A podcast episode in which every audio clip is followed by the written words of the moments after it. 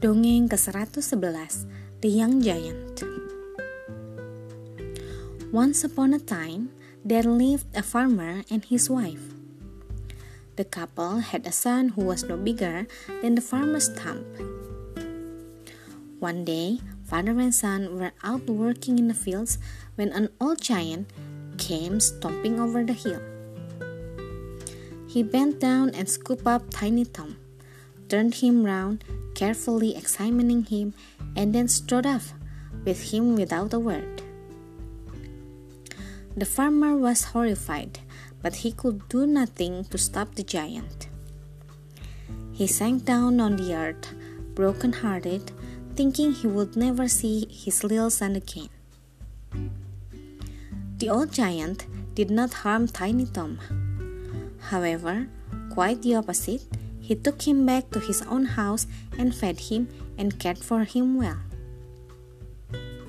Time passed, and Tiny Tom grew much taller and stronger. After two years had gone by, he had become the size of a young giant. The old giant was delighted. He decided to take Tiny Tom into the forest to see what he could do. Pull up a stick for yourself, he said. The boy was so strong that he tore a young tree out the ground, roots and all. But the old giant thought, I'm sure I can make him better than that. So he cared for Tiny Tom for two more years and then took him into the forest again.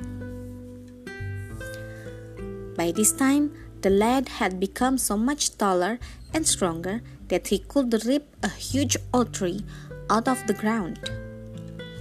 Hmm, thought the old giant. I'm sure I can make him even better.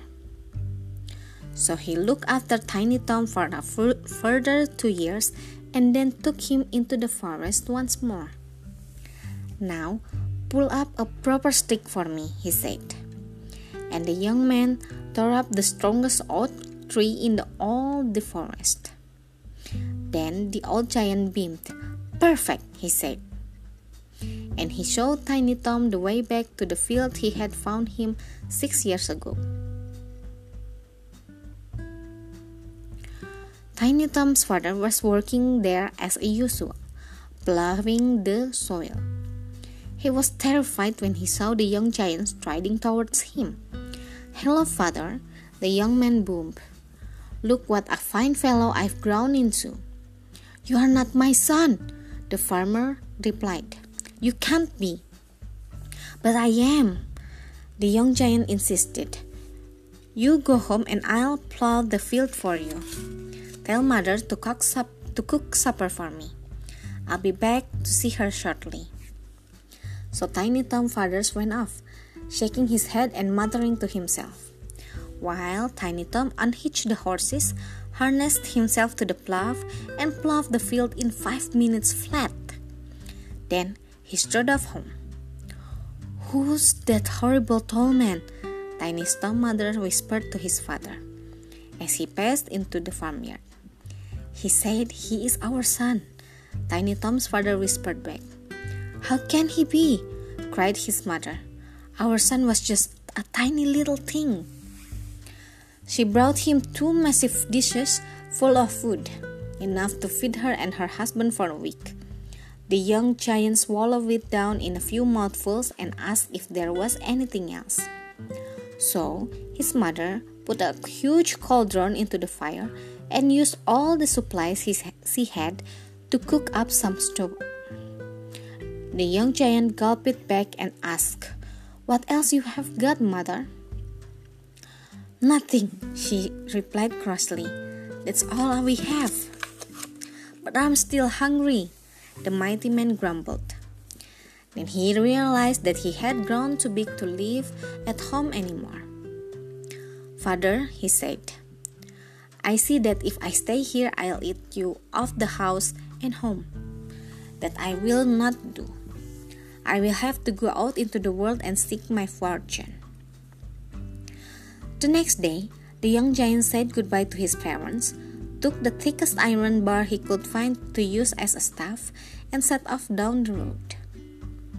Tiny Tom traveled over the hill and dale and eventually came to a small farm where the farmer was looking for a chief worker.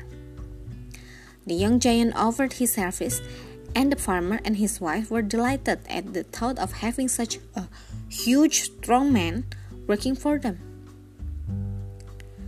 How much do you want as pay? the farmer asked. To his great astonishment, the giant replied, Nothing. Only after I have worked for you for a year, let me hit you two times. The farmer and his wife thought the strange bargain was some sort of joke. Very well, they agreed, laughing and thought no more for it. The next day, Tiny Tom started work early in the morning. All the farm farmhands started getting ready to go into the woods to chop trees. Get up, they told the young giant. You are our new chief and you are still lying in bed. But he just said, Do as you like. I, I shall get the work done quicker than any of you. The other workers set off into the forest, and Tiny Tom stayed in bed for another four hours. Then he got up and slowly ate a huge breakfast, and a while later he consumed a massive lunch. Only then did he stomp off after the other workers into the forest. He met them as they were in their way home for the day, leading horses which pulled carts that were full of the logs they had cut. But the young giant wasn't worried. He just ripped the trees out of the earth, tossed them like a matchsticks into cart, and pulled it back to the farm much faster than any horse could do, overtaking the other workers on the way. Of course, the farmer was very pleased with Tiny Tom's first day of work. Look, he said to his wife, even if he spent most of the days asleep, he still finished his work before all the others. So, Tiny Tom served the farmer for a whole year. And then, when the other workers were getting their wages, it was time for him to have his two hits. Stand still, he said to the farmer. The farmer smirked and did as he was told. And the young giant hit him with such great force that the farmer flew up into the air and didn't come down. What? The farmer's wife began to shout out Tiny Tom in shock. But before she could finish, the young giant took the second part of his payment and hit her up into the sky too. Whether they are still up there, hovering about, I don't know.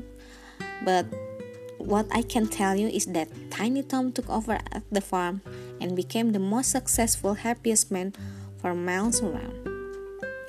Terima kasih telah mendengarkan. Selamat malam. thank you